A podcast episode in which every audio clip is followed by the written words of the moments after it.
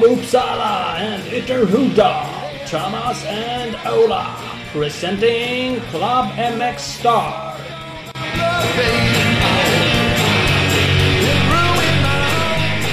Hej och välkomna till Club MX Star Podcast. Det är första avsnittet för 2020.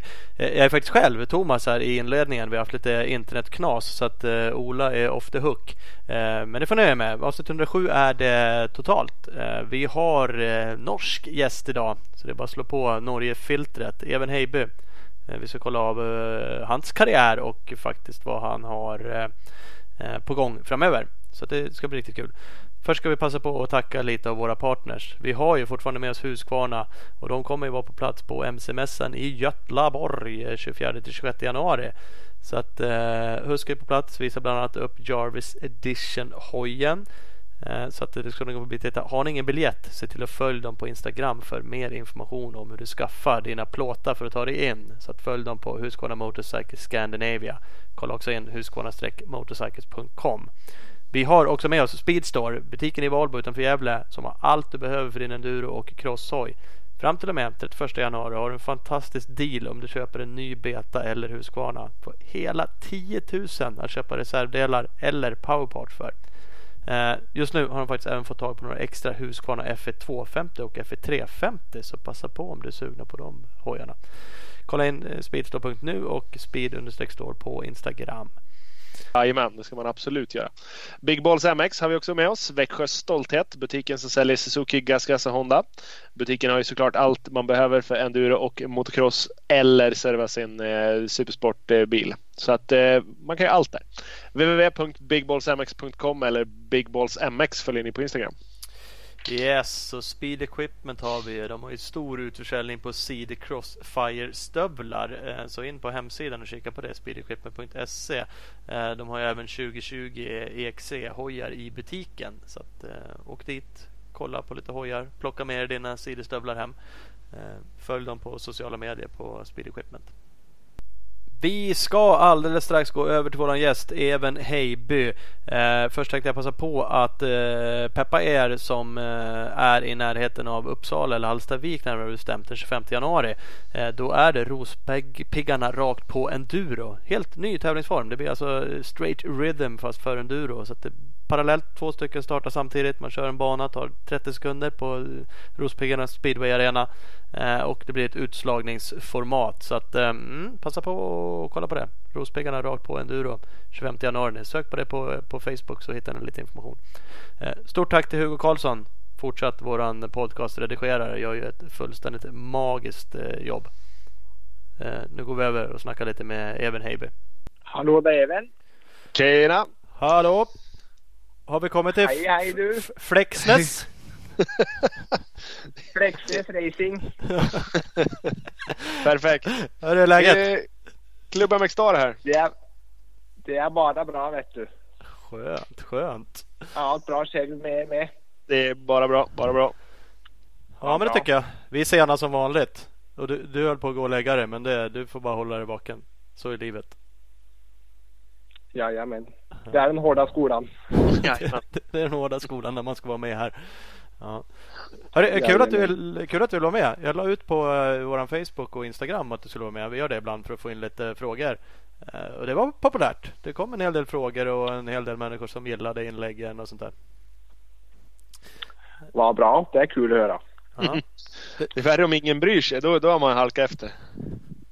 Då har man gått ordentligt på röven.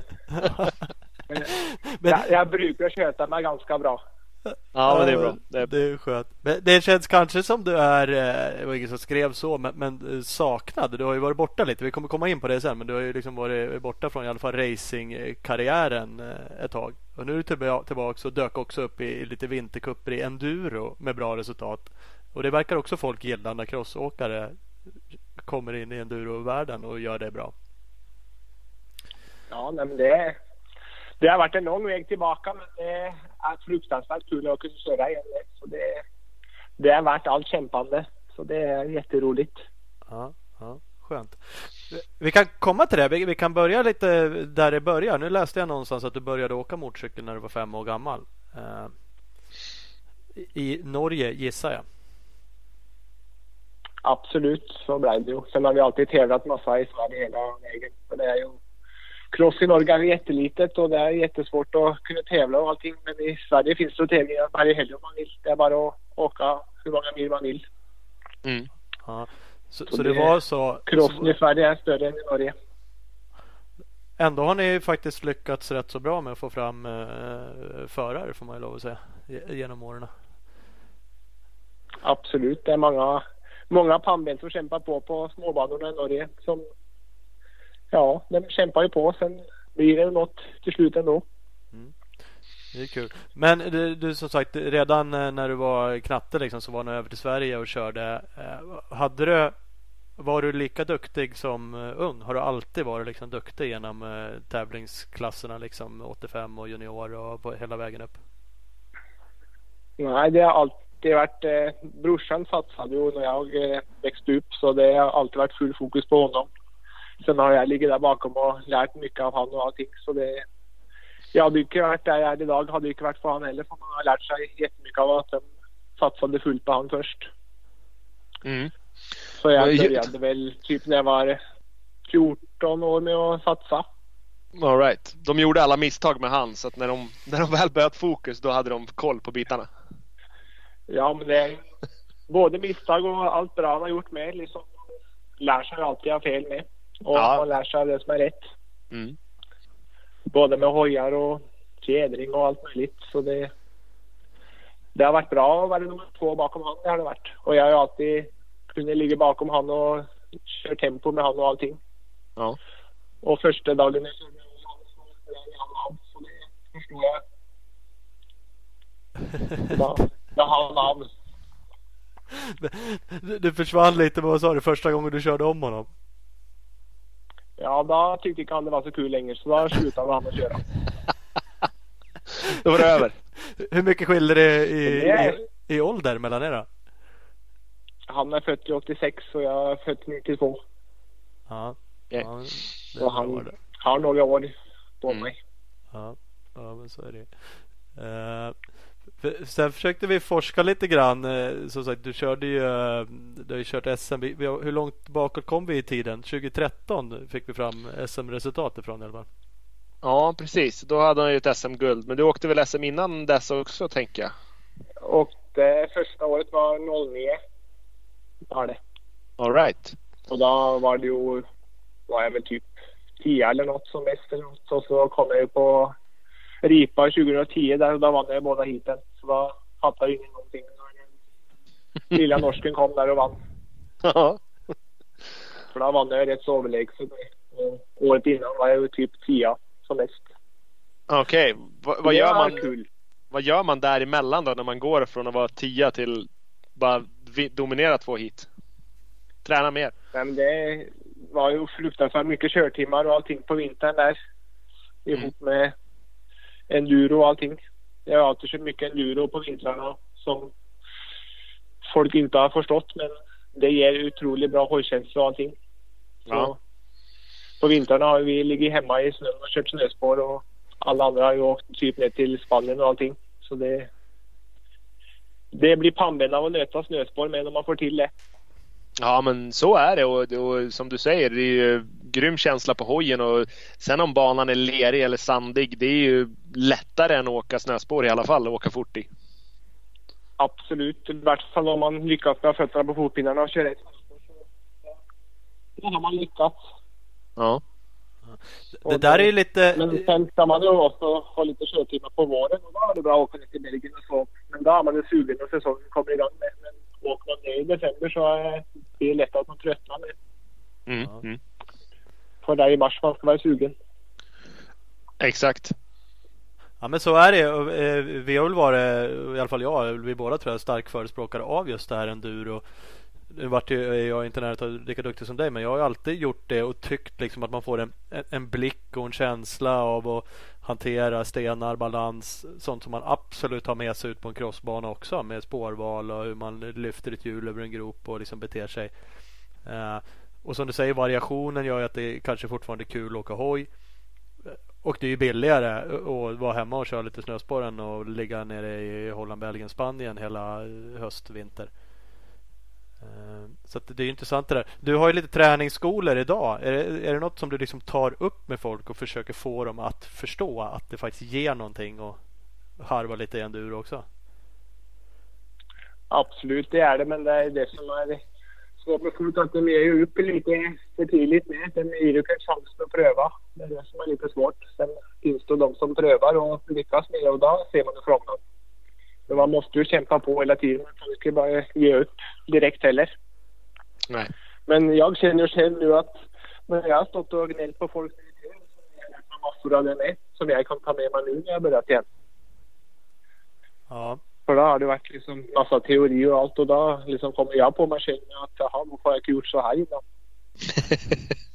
Så, och det kommer du på nu jag har alltså? tre år och gnällt heller. Ja, men så är det faktiskt. Man lär sig alltid något varje dag. Mm. Ja, vidare sen då. Vann du mera hit 2010 eller var det bara premiären på Ripa? Jag vann i Finspång det tror jag. Okej. Ja. Ja. Det året. Jag bröt nyckelbenet efter eh, Ripa där på USM i... Det var nere i... Och det... Gud vet vad det heter där nere. Nej. Men jag bröt alltså nyckelbenet efter det. Ja, Okej, så då till, bommar du lite. Då kom jag tillbaka till Finspång och vann båda heaten där.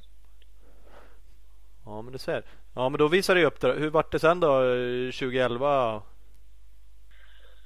Nu är det ju jobbigt här men det var väl... eh, Då var det väl med Filip där igen med.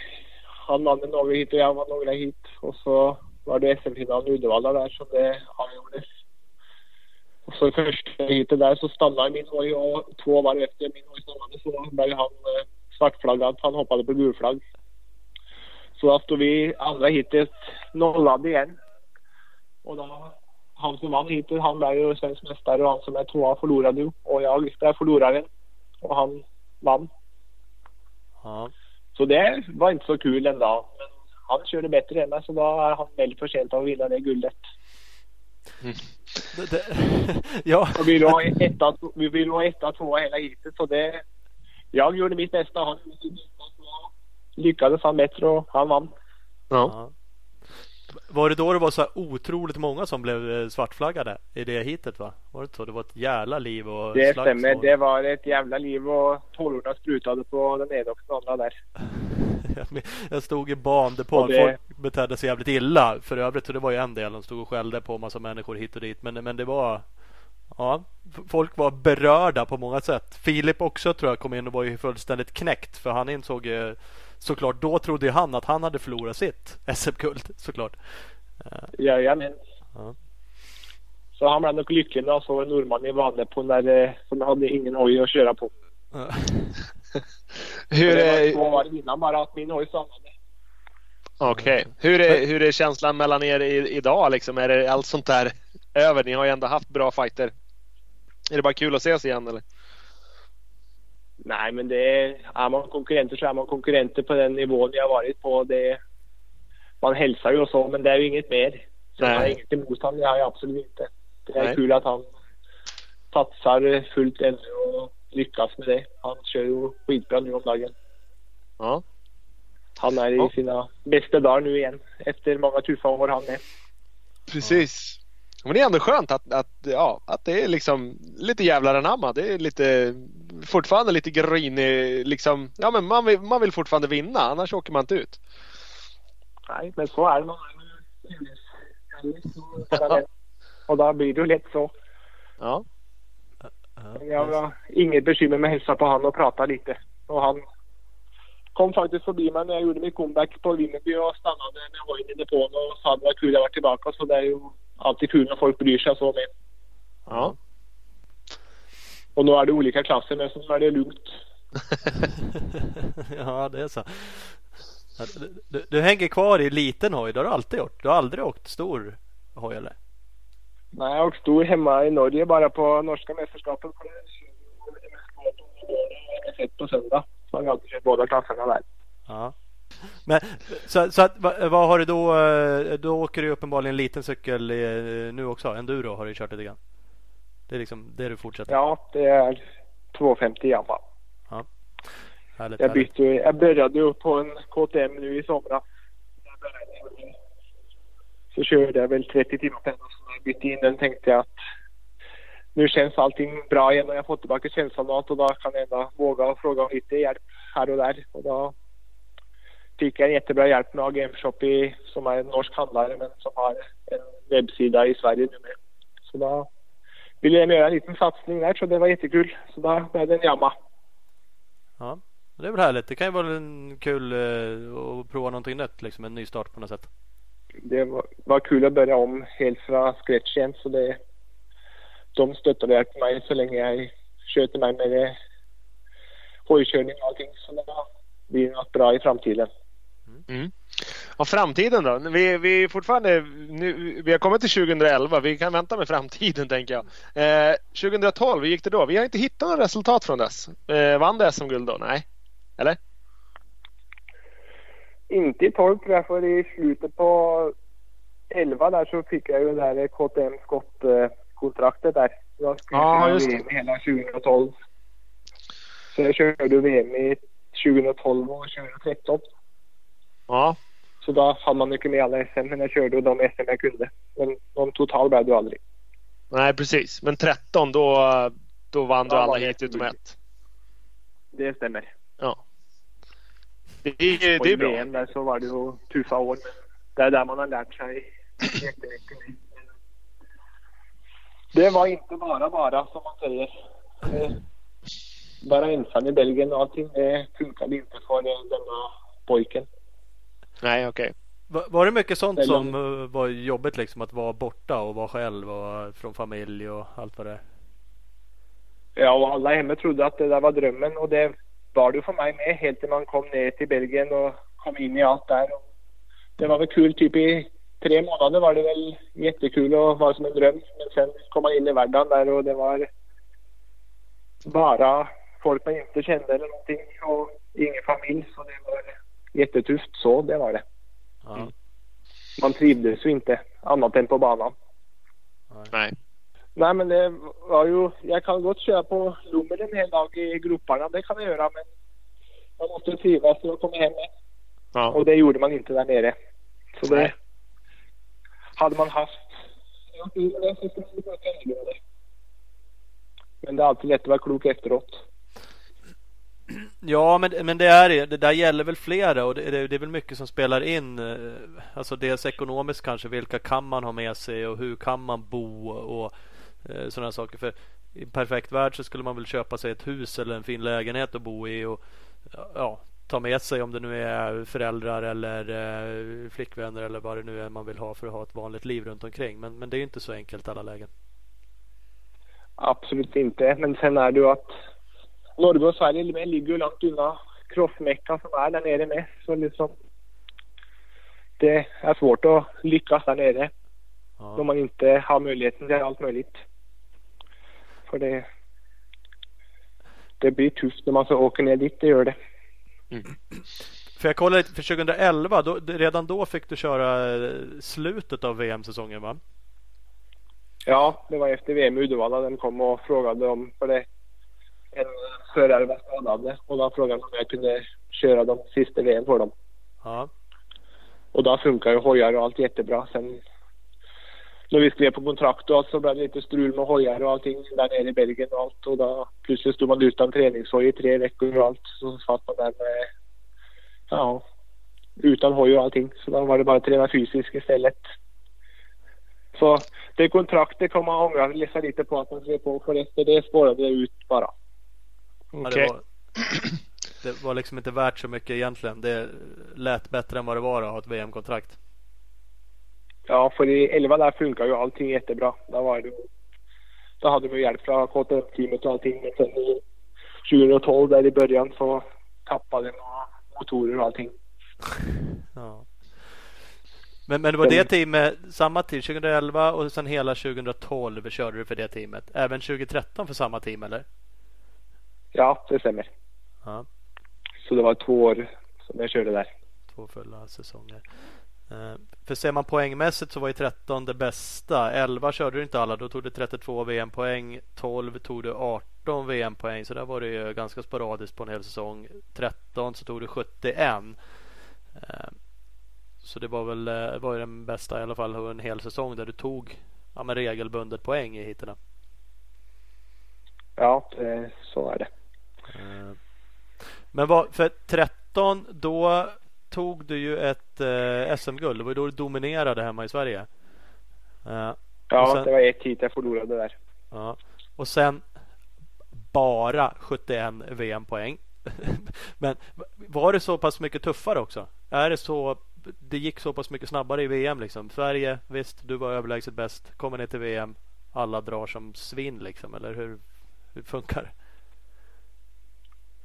Det är lite trivsel, självförtroende och allt det där det med. Kommer man hem och vet man är i form till att kunna vinna någonting så är det lite annorlunda att lägga sig i crossbussen på fredag kväll än när du ligger på VM och, och vet att du får kämpa på. Ja. Men sen är det ju väldigt mycket snabbare i VM. Det är ju att ha en helt annan fart i kroppen. Och där står det 40 stycken som vill vinna och i SM står det väl kanske fem stycken som vill vinna på starten. Och de andra är nöjda med att vara topp 10. Men i VM så ska vi alla vinna. Ja. Så det är ju 40 pannben på en VM-start som ska vinna. Och i SM är det kanske fem pannben som ska vinna. Ja. Och som har farten till att vinna. Det... Ja, nej men så är det. Och det är alltså det där är både lätt och svårt att förstå. På ett sätt tycker ja, man ibland man sitter, man sitter hemma och tycker vad i helvete gasa liksom. Och samtidigt så fattar man Absolut. att mm, det, det, är de bästa i världen. Men det som är det som är jättesvårt med är helt annorlunda. Det är som i Italien och Spanien och där nere. Och det är ju berg man ska upp för och det är man inte van med här hemma i Sverige. Nej. Det är bara Motala. ja precis. Det är inte så jävla högt heller. Nej, det är liksom... Så banorna har ju jättestor betydning det med vad man är uppväxt med från grunden. Så är det ju verkligen. Stor I skillnad. I platta Sverige så är det platt och fint. ja. Jo men det är så. Och det, och det är klart det är svårt att, att, bygga berg. Så det kanske man inte kan göra någonting åt på alla ställen. Men hur tycker du annars banor? Ibland säger folk att svenska banor är för enkla. Man ska ha liksom större hopp. Det ska gå snabbare. Det ska vara allt var helt enkelt mycket, mycket svårare banor. Håller du med om det också? Att vi, vi tenderar till att ha för liksom för enkla banor. Vi skulle kunna göra banorna bättre även utan berget då, så att säga, eller? Ja, men det är lite som på SM så är det jätteplatt och fint på lördagen där så är det världsmästare på släta när han börjar bli en riktig crossbana som det ska vara. Och då slätar de igen. Sen går det jättefort igen. Det är liksom håll banorna gruppiga och svåra istället för då får vi ju upp talanger med som kan kämpa på i på de gruppiga banorna med. För man måste ju kunna kämpa lite med, inte komma på nyslätad bana varje träning i veckan. För det är inte bra det heller. Nej. Det måste vara lite spårigt och jävligt om man ska få den där känslan och lyckas någon gång. Mm. Som crossgymnasiet i Tibro, där har ju den där hålan, den är ju klockren. Ja, men de har ju, det är därifrån de sista svenska fortåkarna har kommit i stort sett. Absolut, för ligger man som där hårda meter så blir det jag lovar det. Mm. Men kommer man på nyslädad rita varje gång så är det så det ger inte så mycket. Nej, Nej det, det gör väl inte det. där... På Lommer med på Lommer är ju öppet varje dag. Men på fredagar så är det ju inte slätat. Och då är det ju ingen motionister ute och kör, men där är VM-chaufförerna där ute och drar som bara den. Ja. ja. det är väl det där vi har resonerat kring ibland också. För det är klart, i Sverige banorna är inte öppet lika mycket utan man har några kvällar i veckan. Då vill man ju ha mycket folk som kör såklart. Man vill ha intäkter och man vill att alla ska kunna köra. Majoriteten av de som kör är ju för dåliga för att köra när det är för gropigt eller tycker helt enkelt inte att det är kul. Eh, ni som vill bli bäst i världen vill ha gropiga banor. Eh, så det, det gäller att hitta någon balans. Men man borde ju kunna göra något ja, men likt Lommel då. En dag i veckan så är varje bana i en region helt enkelt jävligt sönderkörd och svårkörd. Eh, kan man tycka. Men den blir inte det. Jag tror, man måste, jag tror man måste gå ihop typ fyra klubbar och så den här månaden så då slätar inte ni eran bana men de andra slätar sina så då kan alla fortåkare åka där och så åker motionären någon annanstans. Nästa månad eller nästa tre veckors period för det är så lång tid det tar innan en svensk bana blir riktigt dålig. Då, då får någon annan bana ta på sig det liksom. För att ha öppet en hel... Ja, det, det blir inte gropet på samma sätt på Lommel för det är, inte, det är inte öppet lika mycket och det är inte lika mycket folk där och åker. Nej. För det... Jag har alltid gillat när det är gropigt och jävligt att nöta på. Det har ni säkert sett på mina tidskval på Saxtorp och allting med. Plötsligt kan jag vara sexa efter en tidskval och så kommer vi på söndag morgon när det är gropigt och fint så då vaknar halvnorsken även ja, i Vårdorna. Ja. Men, så det ska vara lite jävligt för att jag ska trivas med att det är tekniskt så. Ja. Fan, med 20... Där kommer den där snösportkörningen med in i bilden. Med hojtjänst och allting. Alltså, 2013 då var ni på gång. Då var ni etta, trea, fyra norrmän. Då var det du etta, Magne trea och Lasse Kristoffersen var fyra. Så ja, dominerade ni nästan svensk motocross där. Absolut. På gott och ont. Ja. Det var några sura minnen i depån där. alltså, mellan er norrmän eller svenskarna var griniga på er? ja, svenskarna var lite griniga där. Men det har varit bra för dem. Konkurrens har de med. Absolut, ja, men så är det verkligen. Det, det, är lite roligt. Jag kollar lite. På, från 2013, 14 och 15, alltså tre år. På tre års ja. cross-SM, då i 250-klassen, så är det bara du, Eh, Anton Lundgren, Alvin Östlund och Kalle Olsson som har vunnit hit under tre års tid. Ja, det Så... stämmer nog. Det är rätt sjukt. De två första åren, 13 och 14, då var det bara du och Kalle Olsson som vann hit. Ja. Du, du vann alla stämmer. utom tre. Kalle vann tre. Ja. Så han, han var, när inte du vann, då vann Kalle Olsson. Absolut. Han hade ju en grym fart i kroppen han med. Ja, när han var på det, det humöret. Så. Han borta bara. Ja, ja fan. Han Helt klart. och dra lite igen. Ja, jag vet inte hur långt, långt bort ifrån branschen eller liksom karriären han är.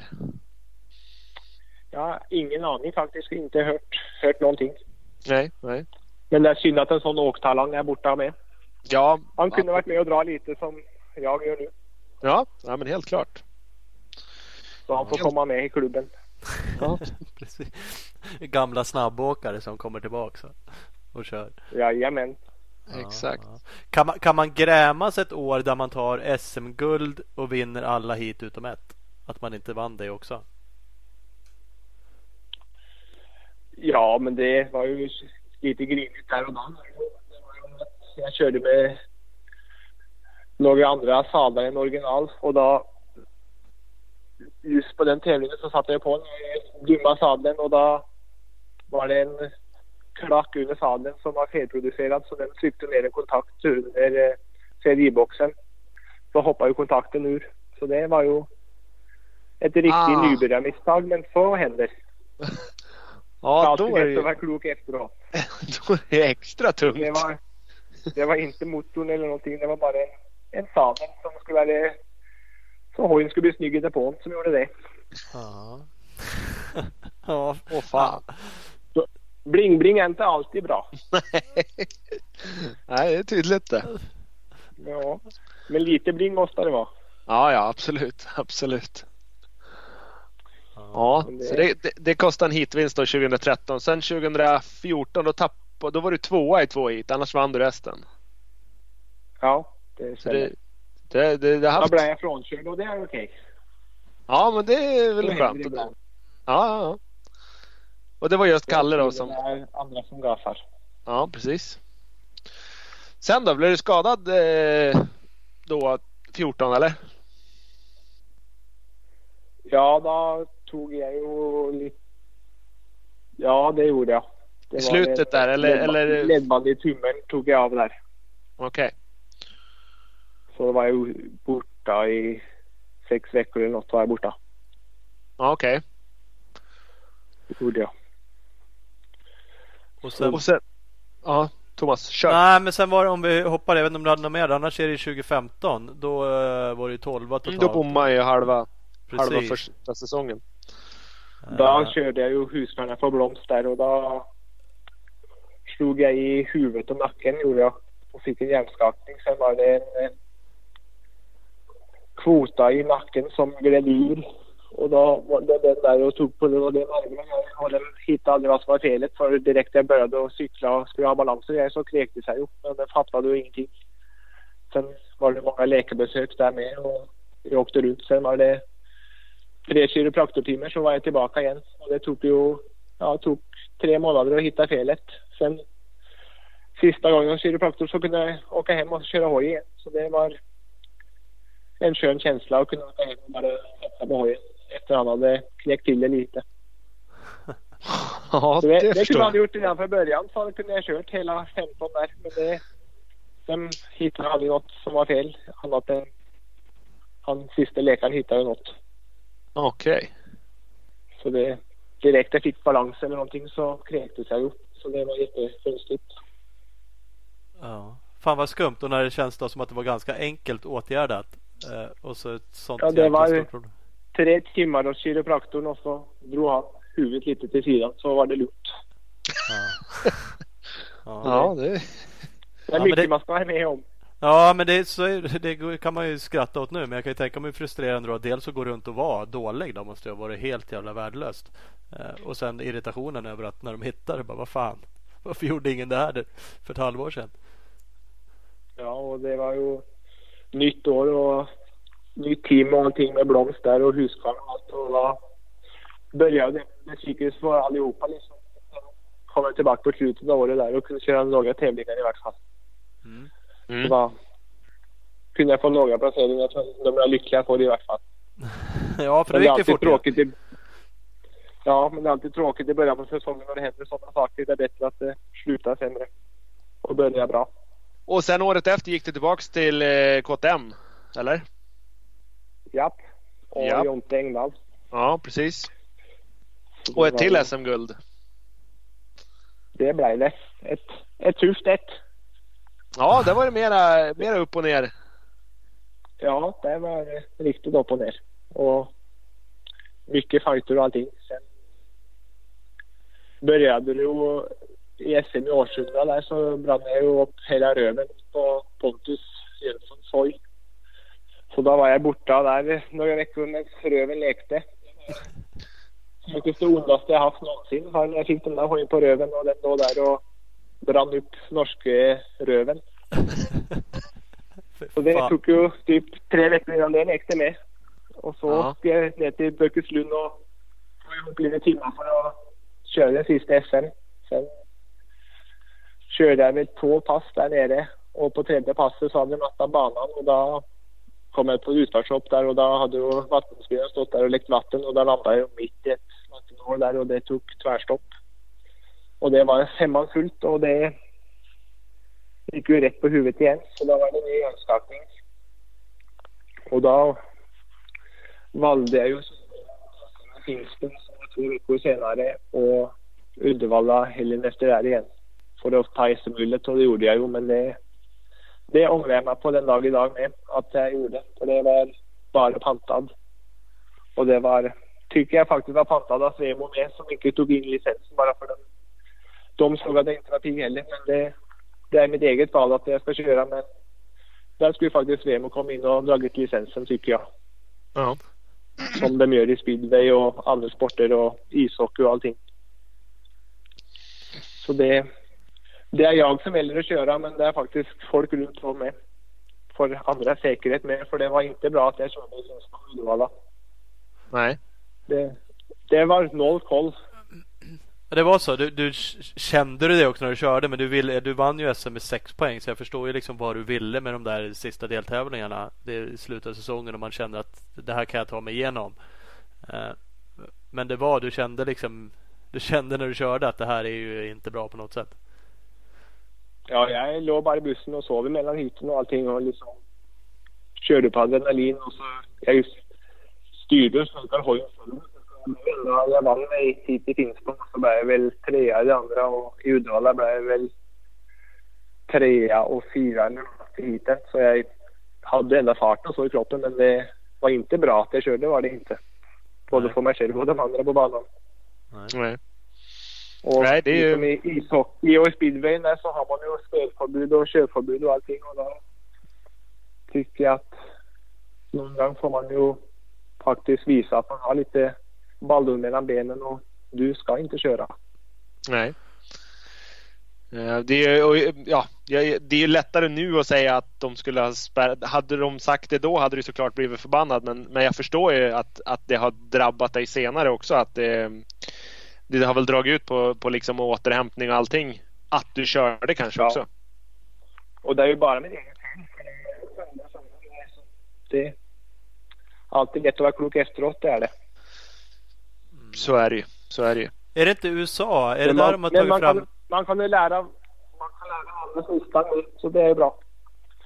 Mm. Ja, jo, jo, men precis, det är ju det man får göra när man har gjort ett misstag. Man försöker lära av det och få andra att lära sig. Eh, jag såg, men, men är det inte USA de har någon form av man gör några tester liksom och har några olika steg vart man ligger i hjärnskakning och när man faktiskt får ta sig tillbaks. Absolut, det är en järntrappan.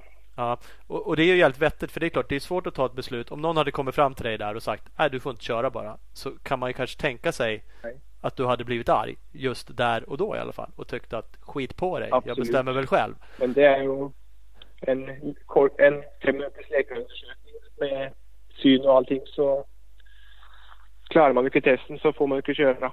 Nej, Nej, det, nej, precis. det är så det borde vara. Tydliga regler. Och den absolut för den testen tar fem minuter och den klarar man inte testen så kräks man ju och mår jätteilla så då har man Mm. inget på något att göra heller. Nej, absolut. Absolut. Eh, vi fick faktiskt Men lite... SM-guldet tog jag i vart fall så det var i vart fall gjort. Du fick ut någonting av det. Uh, jo men det är ju så. Vi fick en lyssnarfråga av Magnus Eriksson. Han är faktiskt kiropraktor eh, här från Uppsala. Men just hur eh, rehabiliteringen efter hjärnskakningen och råd och förhållningsregler och dela med dig av till aktiva föräldrar gällande hjärnskakning. Och lite är du ju inne på att du tycker att förbundet kanske borde ta ett ansvar och helt enkelt ge startförbud då. Ja, nej, men det... Jag tycker att det ska bli kapitel två i alla fall. Att de ska även hoppa in, även om det är en förening, bara det är med på ceremonin. Det är ju ingen som är fast anställd som kommer. De gör ju allt jättebra de med. Så det, jag ska inte gnälla på dem, absolut inte. Men man kan ju alltid lära sig och göra som i andra sporter med. För det är ju... Vi lever bara ett liv allihopa. Ja. Det, men efter Uddevalla så var det ju bara att vila och vänta på att det skulle bli bra. Man hade ju länge trott att man skulle vara vara pigg. Men det blev aldrig jättemycket bättre någon gång och det var jättemånga läkarbesök överallt med rehabiliteringar här och där. Så det är ju neurologer man åker till och röntgen på huvudet och allting för att se om de hittar något. Men det, det gör de aldrig på mig i vart fall. Men det är ju nervtrådar i hela huvudet. Så det de att hitta tillbaka men och så hittar inte de tillbaka och så måste man göra nya nervbanor i huvudet och allting. Med olika övningar. Mm. Så det har varit mycket konstigt de sista åren. Ja, för du, du har väl egentligen inte kört det sen dess fram till nu? I alla fall inte liksom mycket. Utan din karriär... Ja, Nej, jag prövade beslut- ju lite på... Prövade lite våren 2017 men det funkar inte. Nej. Så efter våren 2017 så har jag inte kört en meter. Innan maj i, år, i förra året. Nej. Eh, och då har det varit som du säger vila, rehabövningar då på skallen. det Ja. sig, Men, ja. Den sista läkaren var i Göteborg ja, i april 2019. Då fick jag ju el i käften och el under fötterna och el i hela huvudet och allting för att de här nervtrådarna skulle komma ihop. Då. Så jag var där i två veckor var jag där. Och då fick jag ordentlig fart på systemet och efter det fick man förhoppningar om att kunna köra allt igen. Så det, det var värt de pengarna på den privata läkartiden där. För det Ja. har fungerat riktigt bra ända till nu. Ja. Så känner du dig återställd liksom nu? Är du helt återställd eller känner du fortfarande av? Det är fortfarande kvar lite efter långa dagar på jobb och så. Är det kanske känner att man är trött på kvällen och så. Men sen har man lärt sig att behandla det där ordentligt med. Och det enda som är som jag saknar, det är ju åldern med säger de, det är återhämtningen efter träning. Men jag har blivit en gammal gubbe så det, de säger att det kan vara det med. Ja. Och, ja passar du det? Du, du, du kommer inte bli yngre kan jag säga. nej, jag hör det. Men sen är det här tre åren som har gått nu med. Jag har liksom inte fått springa eller någonting så man har ju tagit det jättelugnt och tre år lugnt. Det, då är det lite att hämta tillbaka med. Så det, det kommer nog tillbaka ganska snabbt när jag kommer igång igen nu. Mm. För nu har jag ändå fått lite timmar på höjden. Så det går ju bättre och bättre hela tiden och jag kan köra längre och längre pass. Så det, det är jättekul. Mm. För, för vi kan ju glida över då till vintercupen som du har kört i år. Där får man väl lov att säga att det har gått bra. Enduro, de enduro-racerna har du ju knappast gjort bort dig i. Ja, nej, men det är perfekt för mig nu för där kör man ju typ 10 minuter och så kan man stå och vila. Så det har varit klockrent för då kan man andas lite där i mitten. Så det, det var en Filip körde där och vi hade ju jämna tider den här tiden. Sen körde jag ut på sista etappen och då låg jag några sekunder efter. Sen tänkte jag på att jag gör mitt bästa och så nöt jag på. Och det räckte ju med fyra sekunders vinst efter 1.40 i körtid tror jag. Så det var jämnt hela dagen. Ja. Mm. Så det var skoj. Sen nu i Tibro så var det ju sandigt och gropigt så då kände jag redan från början att det här blir en jobbig dag att nöta sig igenom. Så jag gjorde mitt bästa hela tiden men han är på en annan nivå än vad jag är nu. Så det... Han vann ju ordentligt där uppe. Ja, och sand. Nu har ju du också varit grym på att åka sand så att det, det, det är ju inga konstigheter. Men, men sand är ju han jävligt bra på så att eh, det.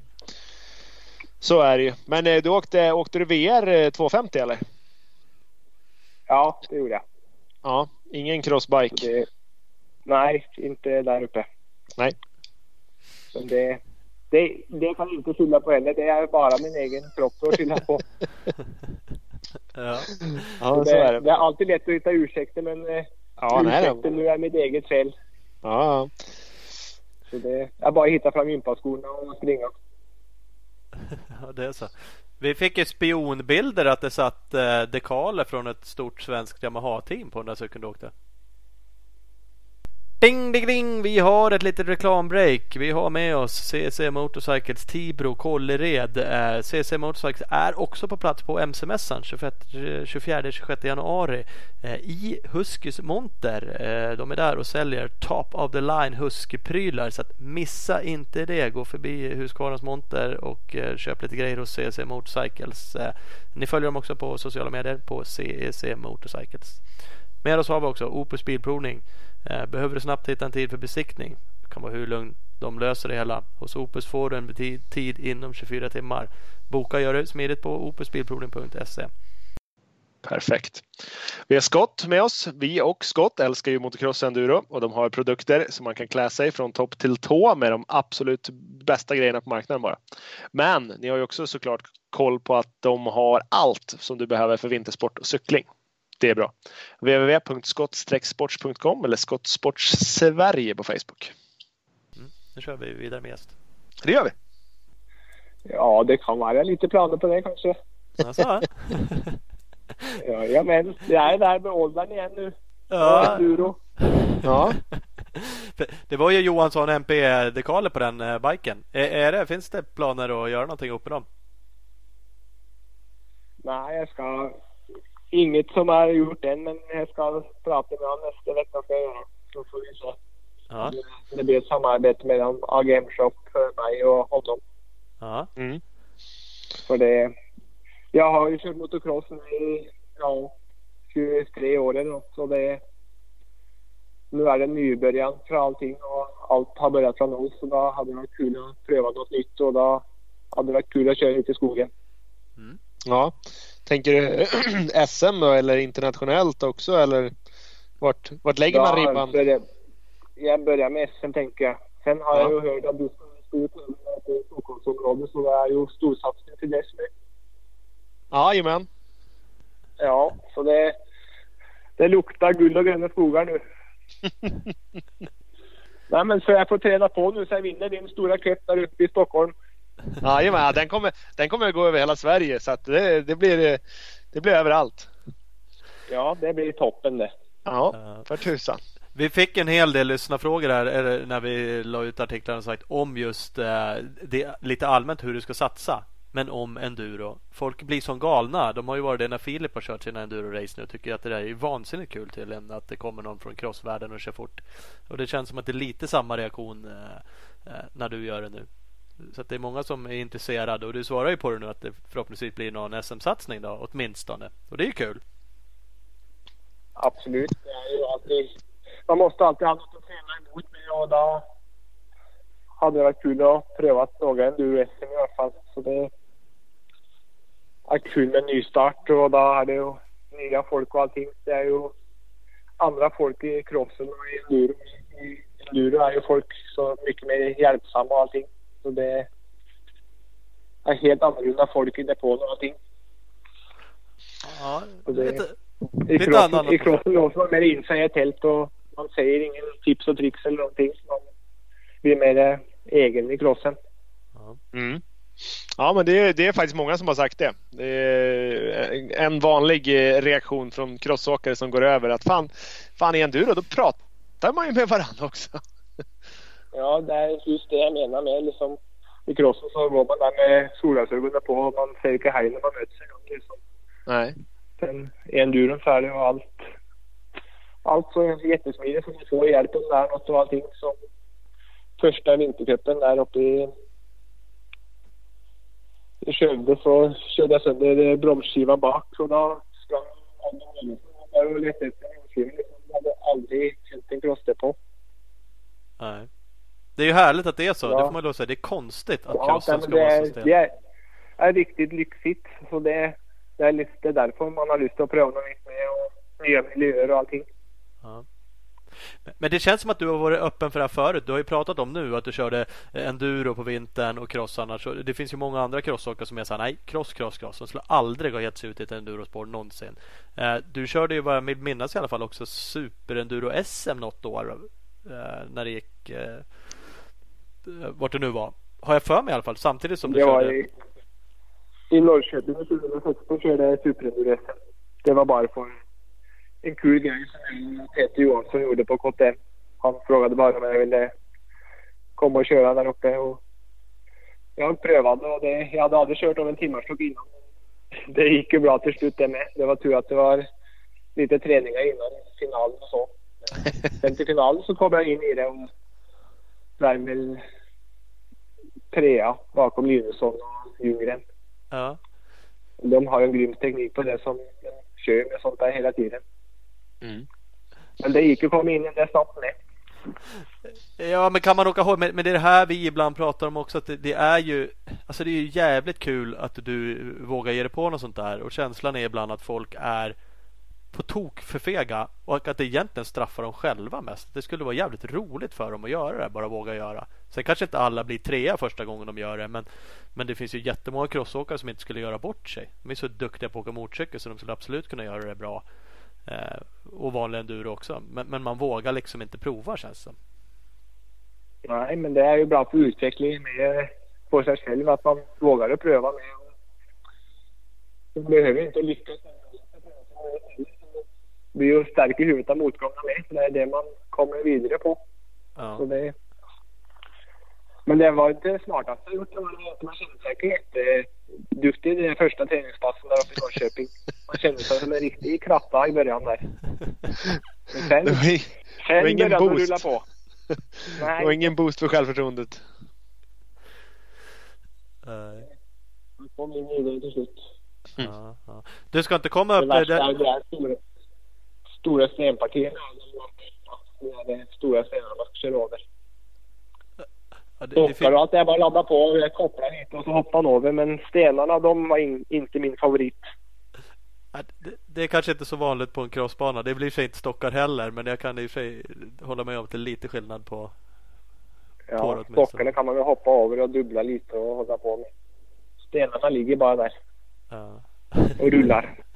och rullar, så kanske det Det körs en tävling här uppe 25 januari utanför Hallstavik, utanför, en bit utanför Uppsala. Rakt på enduro. Det blir som straight rhythm fast det är enduro. Så det är en partävling. Man startar två och två. Och så kör man en sträcka och så blir det utslagning. Jaså? Det borde du komma upp och köra. Det får vi kolla på då. Kolla på det. Vi, vi kan ju säga så här att MX Star bjuder dig på startanmälan om du kommer upp och kör det. Åtminstone. Det låter toppen. Det ska jag kolla på vet du. Ja, kolla på det. Jag kan skicka lite mer information men det vore ju jävligt kul. 25 januari. Så om, att, du, om, om du bjuder på bra väder och korv så blir det bra. Ja, ja men det lovar jag.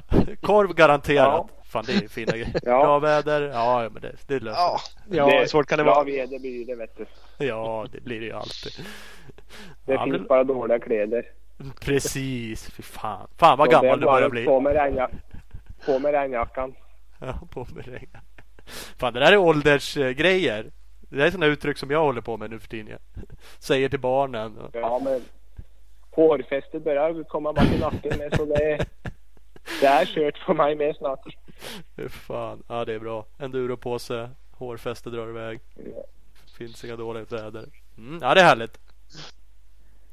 Så är det. Mm, så är det. Eh, eh, du blev ju, du blev ju svensk medborgare för några år sedan kommer inte ihåg hur länge sedan det var. Det var december 2016 där jag är svensk. Ja. Flyttade hit. Och det var ju lite i samma ja. veva du då blev eh, skadad helt enkelt. Du kanske redan var där då? Jag var redan skadad när jag kom över sen. Ja. Så jag var hemma Norge några månader först där. Jag är hyfsat okej okay i huvudet men sen fick vi hjälp i Sverige och allting och då valde jag att flytta där och fick hjälp. Så då kom vi fort igång igen. Så jag, det var de två första åren där som var jobbiga. Sen sista året nu ska jag inte gnälla på att det var dyra alls. Men Nej. första två åren var inte så kul. Nej. För det var en känsla som jag sa la sig i sängen och så nästa morgon då tänkte man ja men då kanske jag vaknar pigg idag. Men det, den känslan kunde man glömma till slut och då tappade man lite troa på det men man får ju ändå kämpa på med pendeln just den känslan kommer jag ihåg som det var igår att man la sig i sängen och tänkte att imorgon vaknar jag pigg men det, det gjorde man inte någon gång kändes det som. Men sen, nu är det toppen och livet är som det ska. Mm. Det är ju Det är ju jävligt skönt att höra får man lov att säga. Det är ju för fan Det är mer som ja. det ska vara helt klart. Absolut. Sen är det som jag så kör jag på ett annat sätt än jag gjort förr. Nu kör jag ju jag kör med huvudet och det kan jag inte säga att jag alltid har gjort innan. Då har man liksom tagit risker som har varit lite halvdana som man inte ska göra om. Mm. Så man får ju lära sig dem med att tänka att man ska jobba på måndag. Ja men så lite det... så uh, lite så är det ju faktiskt. Uh, apropå Absolut. risker då. Nu, upplever du att det är mer eller mindre risk att köra enduro kontra cross? Nej, men det är, det är mindre i skogen, det är det ju. Men sen måste man vara fokuserad och så där med. Så man, så länge man har skärpt så funkar det. Blir man trött och sliten i kroppen så är det lätt att det något för det går fort i skogen. Och det, det är som i Tibro när jag och Filip kör där och ligger på max. Det går inte sakta bland träden, gör det inte. Så man Nej. måste vara skärpt. Mm. Och är man ofokuserad i 10 meter där så är det lätt att det händer något ordentligt. Ja, men så är det faktiskt. Kommer du köra någon nå cross överhuvudtaget? Eller om det, om det blir en Duro SM-satsning då är det det som gäller? Eller kommer du kanske glida in och köra något cross-SM eller något sådana saker? Eller? Jag måste glida in i någon cross-SM just till att pröva på. Ja. På någon sandbana. någon sönderkörd, hålig. Jajamän, men jag får ju åka Sverigecupen först. Men så illa är det att elitlicensen är borta. det, du kan inte åka upp på Svemo kontor och lägga upp fyra SM, eller tre SM-guld där och fråga om det. Om de kan göra någon deal. Jag får fråga snällt. Ja. Ja, det är ju sjukt jävla stelt om inte det skulle gå. Nu vet jag det. Nu är det ju visserligen så att du åker till en Sverigecup såklart och eh, får en, eh, ett wildcard. Men ändå. Det får vi hoppas. Ja, men man kan ju spontant känna att mm, ja. borde det behövas. Det kanske går att ansöka ja. om det. Jag har faktiskt ingen aning. Nej, vi får kolla med dem. Ja, det, märks. Det märks. Men det vore ju kul också. Det är fan kul att du är tillbaka och drar lite grann. Nu, nu glider till och med jag blir mer och mer enduropåse så att jag tycker det är ganska roligt att du är och sladdar i skogen också och gör en satsning på det. Men det vore ju roligt om du försöker piska upp en och annan ungdom på en crossbana också. Absolut, det är, det är kul med båda och, och enduron är bra på crossen och crossen är bra på enduron. Det är lite i och ta det.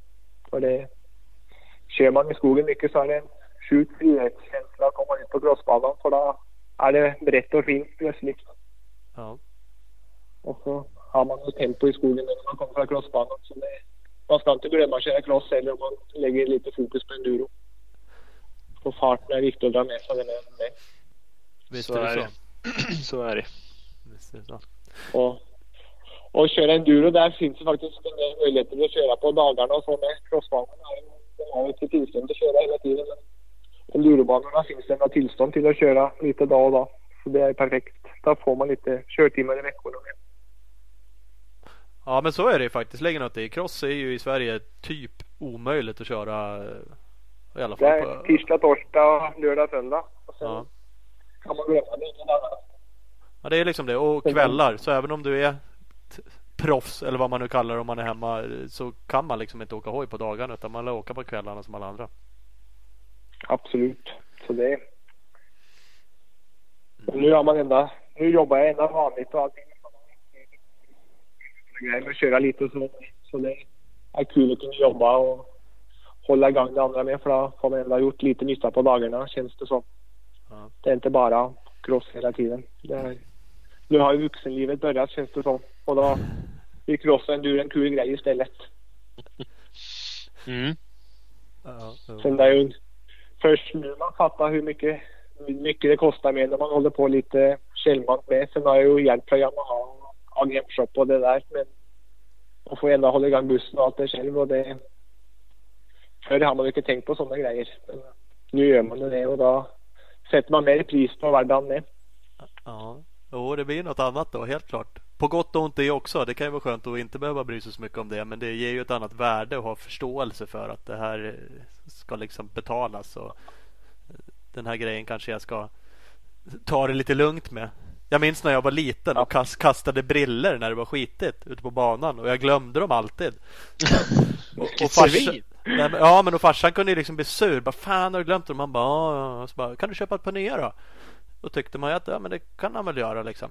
Och så nu bara ja, inser man ju liksom att de kostar över tusen spänn på briller. Vad fan, skulle man ju bli vansinnig om ungen höll på och slängde ut i skogen titt som tätt på en crossbana. Vaska, vaska briller till höger och vänster. Nej men det är ju svin mycket pengar och det var det väl då också förstås. Liksom, det fattar man ju inte.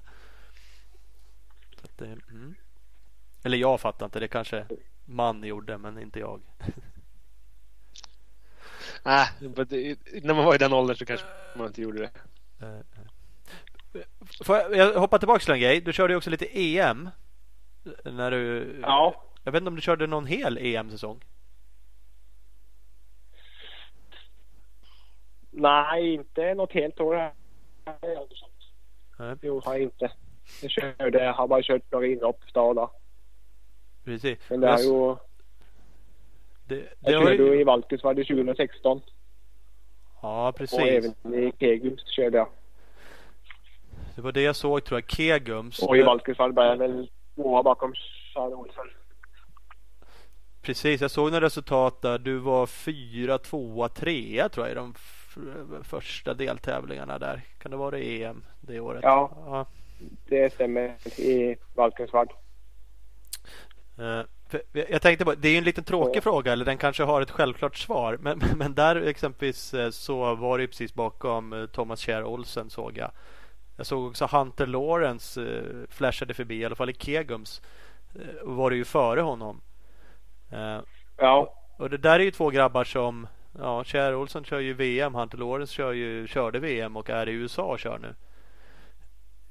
kan du titta på sånt där och få liksom någon känsla av att helvete, varför är inte jag där? Ja, nej, men det är ju absolut så. Det är det ju att fan de där grabbarna och jag umgås med liksom och vad har de ätit till frukost? Vad har inte jag ätit till frukost? Ja. Och det är liksom jag körde det med Geiser med det där första året han körde VM med så körde jag han mycket ihop och han blev typ 13 och jag blev 15 och så. Och liksom självklart är det jobbigt att tänka på nu och vad de har gjort för skillnad som jag inte har gjort. Men sen de grabbarna är ju där nere och har, har vänner runt sig och allting. Och sen är det mycket, mycket mentalt med när man kommer till den där nivån som i VM och allting. Det hjälper inte bara att köra hoj när man är där nere. Det är som KTM-teamet med. De har inte misslyckats med en enda chaufför där nere som de har tagit in. Alla har ju lyckats med Pausunas och hela gängen där nere med Prado och allt. Mm, ja. Så det, det är ändå sjukt med KTM och allt det där. Och alla andra teamen med som tar in de duktiga. De får inte lyckas ändå. Mm. Så det, det är inte bara att köra nollan på startrakan och åttor och allting när man kommer till VM-nivå. För då kommer det mycket annat som spelar in med mentalträning och allt. Och det, där har aldrig jag varit med mig själv någon gång. Nej. För i VM-nivån så är det inte bara att rulla ut på starten och släppa kopplingen. För det är mycket annat runt om som ska funka. Ja. Men som du säger så är det här såklart jättejobbigt när man har kört med grabbarna och varit på samma nivå som de har varit en gång. Sen plötsligt är de ja, fem, sex sekunder snabbare per varv. Och det är många meter. Mm. Men det, jag har gjort mitt bästa i alla år och kämpat på och dit jag kom, dit längre det kom inte jag. Nej, nej, och det har ju kommit långt ändå liksom. Det, det får man då säga. Och det, men det är ju en sjukt jävla komplex sport vi håller på med. Det är som du säger, det är liksom och det är väl många sporter kanske, men, men det, det är ju så fysiskt jobbigt och det är så tekniskt svårt mot cross. Det händer så mycket och banan ändras och det är mycket resande och man måste bo utomlands och eh, väldigt många aspekter i det och mentala bitar och sånt där. Så det är ju inte så jäkla lätt. Det är ju verkligen inte, som du säger, det är inte bara ut och gasa liksom. Eh, Kan du inte. efterhand Här hemma, här hemma i Sverige kan man ju rulla ut den hoj rätt ut från fabriken och så kan man vinna SM på den hojen. Men där nere så blir det ganska mycket annorlunda med både kroppen och hoj och allting. Ja. För det, allt måste vara top notch, både i huvudet och i hoj och allting. Och folk runt om måste göra allt de kan. Har, har du gjort någon analys? Har du något sånt här liksom, eh, något bryt? Nu pratade du om det där i teamet och det, det var väl kanske inte helt optimalt att hoppa på den dealen. Men, men förutom det eller om det är grejen där du känner att det du vet idag, här skulle jag ha gjort så här. Jag skulle ha lagt eh, 40 000 på en mental coach eller jag skulle ha eh, ja, Finns det liksom någon brytpunkt eller någonstans där du känner att shit, om jag hade gjort så här istället? Det man skulle gjort var väl eh, det som var svårt där var ju som jag sa till er i 2011 där, så funkar ju hojar och allt jättebra på de eh, sista VM-tävlingarna jag körde för dem när han blev skadad där. Mm. Då funkar ju allt jättebra. Då var det självklart att vi skrev på kontrakt på 2012. Men sen ändrade ju allt sig där och då blev det ju inte jättebra hojar eller någonting och de snålade in på det ena och det andra för pengarna började ta slut så då körde man med en hoj som är sämre än vad jag körde med på SM som inte var i jätteordning men lite i ordning. Så då kom man till VM så gick hojen sämre än vad den gjorde hemma i Sverige. Så det det var det här kontraktet Det skulle inte varit påskrivet och så skulle man hitta ett annat team och köra folk som hade vettiga grejer. Så skulle jag fått med mig några från familjen ner så man ändå kunde trivas lite där nere och glömt träning och cross lite grann som man kunde må bra med. Mm. Och även haft en flickvän eller något som stöttade och hållit på så man kommer sig lite bort från vad man håller på med hela tiden. Och man måste ju, man kan inte jobba 24 timmar i dygnet heller. Nej. Det går bra ett tag så smäller det. Mm. Men, men ja, alltså det, det, är ju, det är jättelätt, eller i alla fall lättare att vara efterklok. Så är det med saker och ting. Då kan man ju göra en analys av det på Absolut. ett annat sätt. Uh, nu kör du en del träningsläger. Håller du på med det fortfarande? Och kör den träningsskolan och sånt där? Ja, det gör jag lite grann. Det har varit en grym medicin i huvudet och allting med. För då har man inte kunnat vara på crossbanan och träffa samma folk som en själv och allting.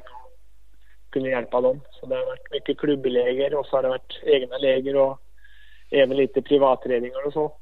Så det har varit den klart bästa medicinen på huvudet med att kunna stå på banan och prata och diskutera och hålla på.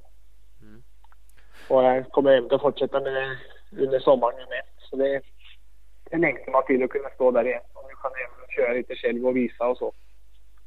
Inte ja. bara stå och gnälla. Jag måste ändå kunna visa. Men kör fortare! Ja, Absolut. Det är lätt att stå där och säga det. Då kan ju pröva och bevisa. Ja, ja. Det, det är lätt... Jag har inte klampat igen så de har skrattat så det, jag väntar på det bara. En riktigt snygg när man ska visa en kurva. Det, det händer nog snart. ja. ja, men det är det. Men, men får du utrymme där att liksom berätta sådana här saker? Att få dem att förstå saker runt omkring. Kanske den mentala biten eller eh, bränn inte ut er genom att ligga och harva i Belgien i november liksom. Och eh, tänk, alltså är det den typen av förare du tränar också som är på den nivån och på väg dit? Det har varit lite där har det varit men det det jag har haft hela tiden och alltid kämpat på hela tiden och gjort mitt bästa på en tävling. Men sen när man åker i, på Ripa och Saxtorp och så på våren på en öppen träning så kör ju folk som eh, bara den. De kör åtta runt mig. Sen kommer första SM tre veckor senare när det en tävling. Så sätter de press på sig själva och då kör de som krattor sen. Mm. Och där fattar inte jag helt för då kommer inte någon tävling på de som kör fort på träning. Så det har varit svårt för mig att kunna lära ut till dem som inte mår så bra i huvudet på en tävlingsdag. Mm. För jag älskar att stå bakom startgrinden men det gör inte de faktiskt. det, det, är ingenting du har behövt jobba med utan det har bara, det har bara funnits där? Ja men man vill ju alltid alltid vara med i starten och kunna dra där framme. Det är det mm. som är målet med en tävling, är att göra det bäst möjligt.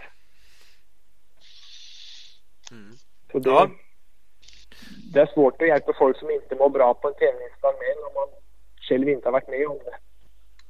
Sen är ju absolut jag nervös med och man springer och skiter och allt på tävlingsdagen. Oftare än man gör hemma så liksom. Det har alltid fungerat så för mig, det har det.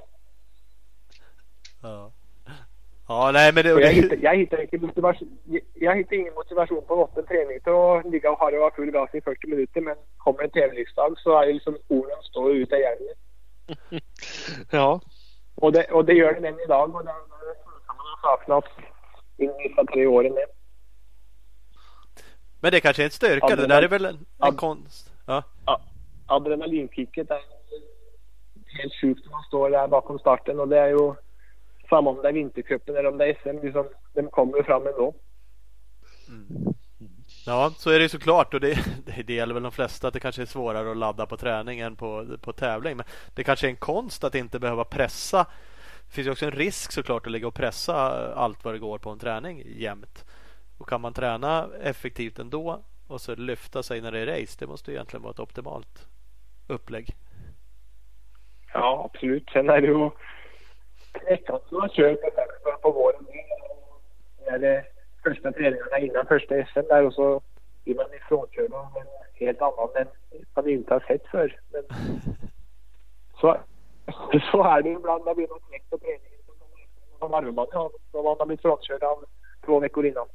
Ja. Så det är ett konstigt upplägg. Ja, jo, så är det såklart. Eh, vi, apropå träningsläger så fick vi en fråga om du kommer att arrangera enduroläger nu också då? För tidigare har du haft mest crossgrejer. Kommer du switcha över till att ha även enduro-grejer eller? Det ska vi nog kunna ordna med. För jag har haft några enduroläger nere i Småland när jag bodde där nere. Så jag hade vi en liten läger där nere. Det blir i Norrköping så det blir ju att hitta någon bana runt här och hyra och kunna fixa något på. Så det ska vi absolut kolla på. Då får du komma och dra lite och visa. Ja. Ta in oss som expert. Vi kan köra de där kurvorna och vurpa. Vi kanske Ja, Thomas, Thomas är kungen av Gotland. Jo, Så är det precis. Ja. I år ska barnskämt på en jamma där. Är det så? Oj, oj, oj. Jajamän, får du passa dig. Ja. Ta rygg på mig bara så ska du se att det går bra. Kommer jag där sittande när jag är trött och sliten. Åh jösses. Ja, det blir kul. Har du Ja, kört Gotland förut? Ja, jag har kört tre, fyra gånger har jag kört. Ja. Så har ju blivit trea och två har jag blivit. Så det är någonting som saknades. Ja. Men det, nu, är ju, nu blir det en duropåse. Så nu kan du, det här funkar ju för crosshockey. Men fan det där har norrmännen varit bra på också. Att köra Gotland. De har nog ett gäng vinster Jag har där. kört bra där. Ja. Ap- Faktiskt. apropå det. Har du Det är tränat? svår tävling det med. Ja, jo men det är det. Det är svårt att få ihop det. Det är mycket som ska stämma även där. Tre timmar och tankstopp och ja, allt vad det är. Olika väder. Går inte att förbereda sig riktigt för. Och, ja. Det är väldigt svart där ute. Eh, Vi ska runda av alldeles strax. Men jag tänkte nu när vi börjar prata Gotland här. Har du någonsin tränat ihop med eh, Kenneth Gundersen också? Och hans liksom gäng i Norge där? Ja, det var det 2011 där jag tränade med han i landslaget i Norge. år. Och det var ju han som hjälpte mig in på det här teamet bland annat. Med KTM skottteamet där. Ja, just det. Så jag tränade med han tre gånger i månaden. Han var ihop med tränade både på gymmet och med hojkörning och allting. Så han, är det en man som har erfarenhet i Europa så är det i alla fall han. Med kontakter överallt med hojar och träning och allting. Fysträningar och allting. Han vet ju vad som krävs för att lyckas med. Och han har alltid varit grym på fysträning och körning och allting. Och jag har väl inte varit så grym på fysträning som alltid gett över en.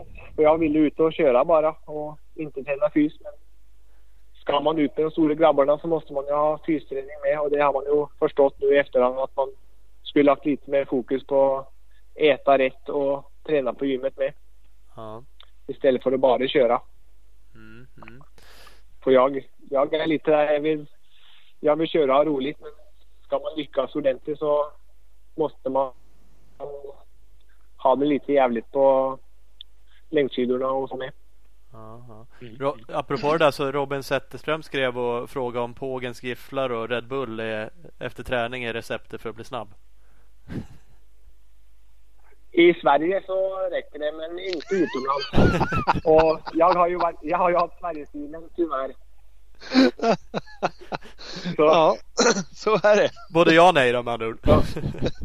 så jag, jag skulle lyssna lite mer på Kenneth där i 2011 där och gått i hans gamla fotspår. För de fotspåren de har ju rätt men man ska ändå orka med det med. Men då, man ska ändå ha kul på vägen med men man måste ändå kämpa på. Man ska lyckas med de stora grabbarna utomlands. Så det, jag hade inte helt den orken i kroppen eller huvudet till det tror jag när det var kom till notan. Nej. Men, men det känns, eh, det kanske man har hört med flera, men jag, jag tycker jag har hört det någon gång med Kenneth just att han är ju stenhård och kör liksom sjukt mycket fys och att han bränna ut folk kanske är fel ord men, men det funkar ju inte riktigt för alla liksom och bara kötta järnet eh, jämt. Uh, och, och att han är han kan och han har ju såklart gjort det och han kom jävligt långt i sin karriär och det är klart då tycker väl han att det är rätt väg att gå. Eh, och Ja, det, men vill man bli världsmästare han har gått fotspåren själv och kampat och gått sig framåt hela vägen. Och han och hans farsa lyckades ju de två ihop och det är ju det där som funkar för dem. Och det, men man ska ju orka med det. Men han är en grym crosstränare, han är en grym fystränare och han vet vad man ska äta för att lyckas. Så vill man bli bäst och orka med så är det ju det upplägget som funkar för att lyckas. Mm. Men jag hoppade ju av. Det var ju jag själv som hoppade av för att jag inte orkade med liksom. Nej. Men han är, han är ju klart en av de bästa tränarna i hela Europa och vill man bli världsmästare så är det ju det där som funkar. Ja, ja Ja. men det- då finns Jag inte så mycket inga, genvägar. inga sura minnen mot han. Jag tror att det var i samma veva där han sa, jag kommer inte ihåg om han sa det direkt till mig men till någon annan. Han bara, nu kommer Norge sa han. Vi- kommer vara fullständigt knäcka i SM och Sverige och vi kommer liksom, eh, jag vet inte om man uttryckte sig dominera världen men det var liksom, eh, han lovade att nu, nu jävlar. Och onekligen så var ni några, vad sa du där Ola när det var Magne och eh, Even Och och, 13. Lasse Kristoffersen där och, eh, och så att ni var ju en helt gäng och flera där också som som, som det fanns rätt stora potential på. Eller för den delen var jävligt duktiga också. Så att det är inte det. Men, Absolut. Vi, vi, jag och Magnus körde ju mycket med Kenneth ihop och allting och höll på så vi hade varandra att gasa med där i 2011 och har man någon att köra med blir det bra framgång för båda två. Det är det som är lite tråkigt med crossen med att åker man ner på Saxtorp på våren och ligger bakom en och drar så viker han av och var med händerna för att han inte vill köra och dra med. Hade vi använt varandra i crossen i Sverige med så hade vi ju blivit mycket duktigare allihopa. ja. För kör det någon bakom på en träning så svänger man av och det, det är lite fel. Ja, vill man bli bättre så får man ändå hjälpa varandra och ligga och dra lite. Och där Ja. hade vi bra nytta av varandra på med Kenneth. För där körde vi allihop med Anton Lundgren var ju med och allting. Så ja, det just det. var jättegrymma träningar hela tiden. Ja, det var ett jävla gäng där. Det där har ju vi tjatat också hur mycket som helst om att vi tycker det är så konstigt att folk inte ligger och drar mer med varandra. Men ja, det är väl vad det är. Absolut. Så det, och Kenneth gillade det här snöspåren med så det passade mig bra med hojkörning och allting. Så det, han gillar att få pandeln ut av snöspår och alla ting så det funkar klockrent. Sen fysträningen den hängde inte även med på alls. Nej, Där fick han tyst. det var liksom det var inte riktigt lika kul alltså. Ja. Nej, nej, nej. Ja, ja. Men, Gifflarna de återhämtar sig inte lika fort. ja. Ja, ja, ja, ja. Så kan det vara. Man kan inte vara bäst på allt. Ja. Absolut inte. Och det, det är alltid lätt att vara klok efteråt som jag sagt några gånger innan idag. Och det, jag är nöjd med dit jag kom ändå. Nu kan man köra lite igen och har jag har mer körglädje nu än jag har haft någon gång. Och det är mycket roligare att hålla på med garagehäng och allt det har varit. Så det, nu sätter man pris på vardagen och är glad för att kunna köra. Så det, det ska bli ett kul år att se fram emot. Det, det låter ju härligt. Det där är ju nästan ett bra avslut. Man ska ju fan ha kul när man åker eh, hoj också. Och ett, ett bra år ser vi fram emot. Det ska bli kul att se dig ute på banor. Både enduro och förhoppningsvis lite cross också. Så vi kommer säkerligen stöta ihop med det på, på banorna som sagt. Ja, vi ska sätta ihop i startsvängen den 25. Ja, Jajamän. just det. Jajamän. Åh, Klart. jävlar. Klart och betärt. Ja, det blir bra. Då ses vi då. Ja, Så, det, grymt. så vi ses där vet du. Ja, ja. Fan vad härligt. Eh, Men vi siktar på det då helt enkelt. Och så, vad- tack för att vi fick ringa och prata med dig. Tack själva. Ja, ha det så bra. Ha det bra. Hej. Ja, Even Heiby. Yes box. Härligt. Faktiskt. Det- Ja, det, det är det där att gå tillbaka. Så dels det vi lyckades forska i själva och höra det han berättade själv också. Att jävlar, han har ju gjort en del ändå. Får man ge han. Ja, får man igen. Helt klart. Helt klart. Vad, vad sa vi? Under fyra år så startade han i 42 SM Cross Heat och vann 30 av dem. Var på pallen 37 gånger. Det är, det är godkänt. Det är decent och hova in tre SM-guld. Så att, eh, frågor på det? Mm, nej. Det känns som att en eh, kanelgiffel och, och Red Bull kanske är det som är bitarna istället för svenskarna. I alla fall för SM-guld så verkar ju det De vara. där, de där åren, åren var han ganska dominant. Det får man ju faktiskt ge ja. Man, man kanske kan förstå att det var lite halvsura miner i depåerna med svenskar som liksom tänkte i år tar jag SM-guld och så gör man tydligen inte det för att det är en jävla norrman för det. Ja, ena året där när de var tre norrmän i topp fyra. Det är ju, ja, då var det ju inte... Det är, bittert, det är bittert. Då tar man liksom inte ens medalj som svensk i Nej. sitt egna mästerskap. Ja, det var Eddie MC Kung som sladdade in med ett silver där. Det var ja, ja, det var ju skönt att han spräckte det där. Mm, faktiskt. Ja, men vi tar väl och rundar av då Ola. Och det gör vi väl med våra goda samarbetspartners.